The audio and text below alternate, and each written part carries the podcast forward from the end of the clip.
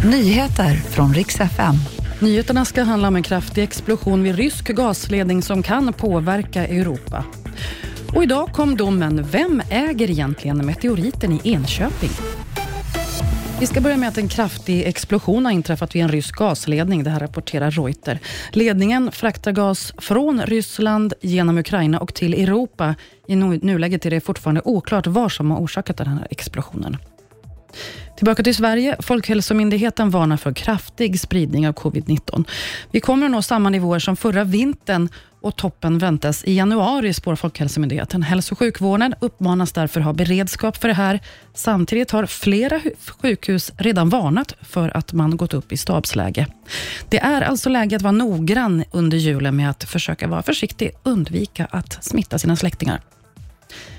Just nu är det problem med bank-id runt om i landet. Driftstörningar påverkar tjänsten, men arbete pågår för att lösa problemet. Det skriver BankID på sin hemsida.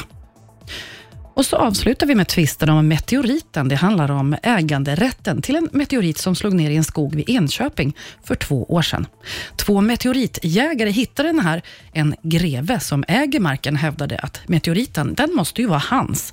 Nu har tingsrätten rätt ut det här och slagit fast att det är meteoritjägaren som vinner. De som hittade meteoriten, de äger den. Det var nyheterna. Jag heter Maria Granström.